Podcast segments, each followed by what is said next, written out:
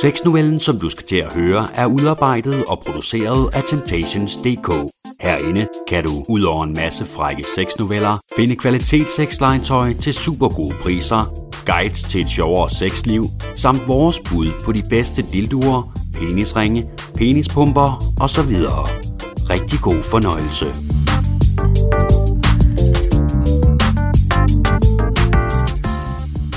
Hvis jeg skal beskrive min seksualitet, vil jeg hverken betegne mig selv som homo eller biseksuel.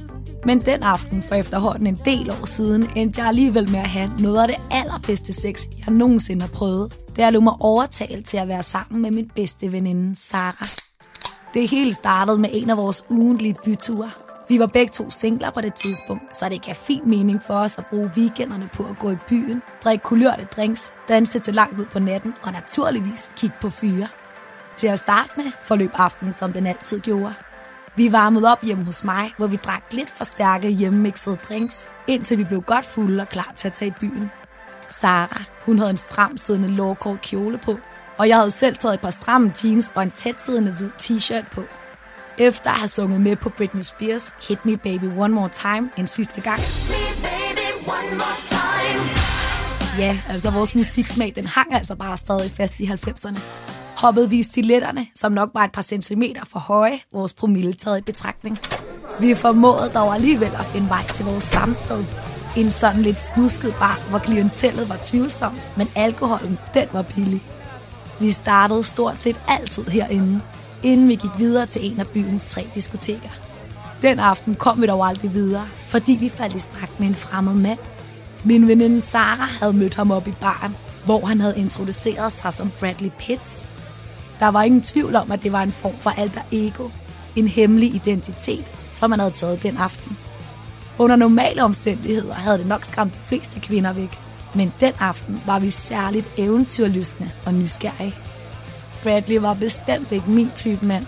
Han var i slutningen af 40'erne, havde et lidt usøjnet ansigt, som var gemt væk bag et mørkt gråspring fuldskæg. Han var iklædt en lang lysebrun trenchcoat, som var han taget ud af en spionthriller. Måske var det en del af hans påtaget personlighed. Måske Bradley Pitts var hemmelig agent. Vi har grint meget af ham sidenhen, fordi han var sådan en unik karakter, og samtidig har vi også undret os over, hvordan en fyr som ham bare kunne sno os om sin lille finger og få os til at gøre ting, som vi aldrig i vores vildeste fantasi havde forestillet os. Vi er med årene blevet enige om, at hvad han ikke havde kørende for sig med sit udseende, kompenserede han i den grad for ved at være troldmand med ord, og at det langt hen ad vejen var det, der fortryllede os. Når Bradley talte, så hørte man efter. Man blev opslugt af hans snoede og levende fortællinger, som sikkert ikke var sande, men som i hvert fald var velfortalte. Da stemningen nåede klimaks den aften, bad Bradley os komme med udenfor, fordi han havde et lille tilbud til os. Sara og jeg udvekslede skeptiske blikke, der afslørede, at vi var lige dele usikre på situationen, og lige dele nysgerrige på, hvad der egentlig ventede udenfor. Efter et par sekunders tavs kommunikation, nikkede vi til hinanden som et tegn på, at vi gav Bradley og hans tilbud en chance, hvorefter vi vaklende rejste os fra vores stole og fulgte efter vores nye, mystiske fremmede ven. Da vi var kommet et lille stykke væk fra støjen i nattelivet, pegede Bradley i retning af en halvmørk og småskummel gyde. Vi trodsede al sund fornuft og fulgte hans anvisning. Inden i gyden vendte han sig mod os. Fra inderlommen af hans trenchcoat fandt han en stak penge. Det var umuligt at vurdere, hvor mange penge der var. Men der var mange, rigtig mange penge. Har I ikke lyst til at give hinanden et kys? sagde han uden at blinke. Hverken Sara eller jeg havde set den komme, for snakken havde på intet tidspunkt i løbet af aftenen været tilnærmelsesvis i den lumre boldgade. Det havde vi ikke umiddelbart lyst til, fortalte vi ham. Han løftede herefter bundet med pengesedler og begyndte at tælle til 1500.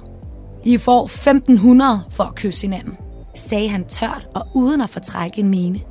Aftale, hørte jeg Sara sige. Og jeg kom ikke med nogen indvendinger, for jeg kunne egentlig godt bruge pengene. Vi var jo bare fattige studerende. Vi drejede vores ansigter mod hinanden. Sara lukkede sine øjne, og jeg fulgte trop.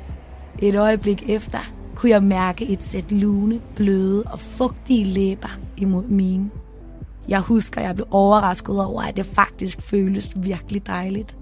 Da vores læber havde sluppet hinanden kort efter, havde vi begge kigget forventningsfuldt på vores mystiske pengemand, som leverede lige præcis det, han havde lovet.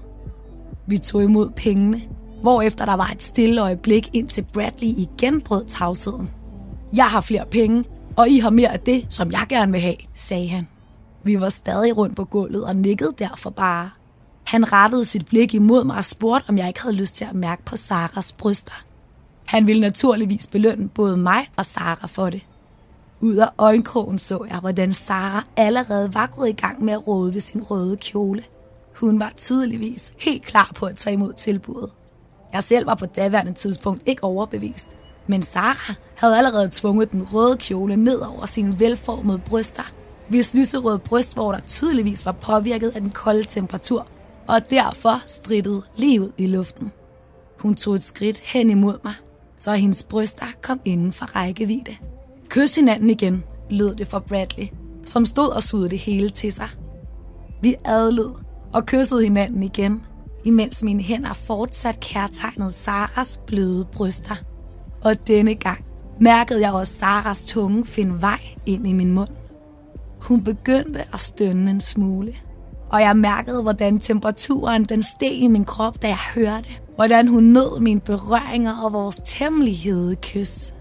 Vores mystiske fremmede ven nød tydeligvis også vores forestilling. For hans ene hånd var glidet ned i hans bukser, bemærkede jeg pludselig, da jeg kort åbnede øjnene og kiggede i hans retning. I får 5.000 kroner hver, hvis I går hele vejen, sagde han, og lød for første gang mere kod end kalkuleret.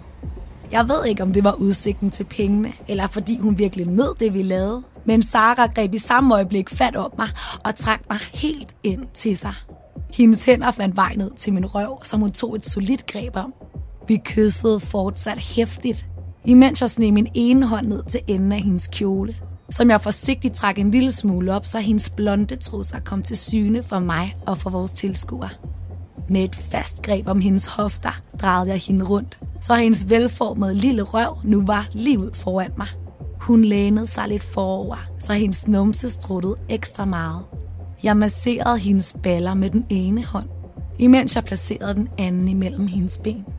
Med en finger fik jeg skubbet trussekanten til side, så jeg kunne mærke hendes bløde og meget våde fisse. Ved første berøring af hendes underliv udstødte hun et ekstra højt støn. Jeg lå først en enkelt finger komme op. Derefter endnu en, som jeg kørte ind og ud, imens hun stønnede højlydt. På et tidspunkt vendte jeg mig rundt og så den fremmede stå med nedlynede bukser og sin stive pik i hånden. Jeg mærkede, hvordan den mærkværdige, men meget kinky situation gjorde mig endnu mere vild i varmen. Her stod jeg og gav finger til min bedste veninde, imens en fremmed mand spillede den af til os. Det tændte mig helt vildt. Sara vendte sig op mod mig og bad mig om at tage mine bukser af. Jeg gjorde, som hun sagde, og stod derfor kort efter med min nybarberede mis fremme i aftenmørket. Hendes hånd havde hurtigt fundet sig til rette i mit skød, efter den var begyndt at massere min klitoris. Jeg havde stønnet højlydt, for det føltes vildt dejligt. Jeg tror måske, at kvinder er bedre til den slags, end mænd er, fordi kvinder altså har sig selv at afprøve teknikker på. I hvert fald mærkede jeg hurtigt, hvordan jeg nærmede mig klimaks af hendes frække berøringer, som tiltog i tempo i takt med, at min støn blev højere og sværere at kontrollere. Jeg nåede hurtigt punktet, hvor der ikke var nogen vej tilbage, og så lå jeg bare orgasmen skylle ind over mig. Midt i min orgasme så jeg den fremmede med pikken i hånden havde nærmet sig mig og Sara. Jeg var dog alt for opslugt af min vidunderlige orgasme til at reagere på det. Så jeg vendte mig bare atter mod Sara, inden jeg forløst faldt sammen i hendes arme. Og mens jeg lå der, fornemmede jeg godt den fremmede rumsterede bag ved os. Men inden jeg nåede at vende mig om, mærkede jeg en varm ladning sæd lande på mine nøgne baller. Tak, kunne jeg høre ham sige bag mig, hvorefter han lynede sine bukser op. Efterfølgende fik vi de penge, han havde lovet os, hvorefter han bare forsvandt ud i mørket. Selvom vi tog i byen samme sted og skillige gange efterfølgende, fandt vi ham aldrig igen. Desværre. For jeg har i det skjulte gået og håbet på, at han måske en dag ville dukke op, så Sara og jeg fik en undskyldning for at dyrke sex endnu en gang.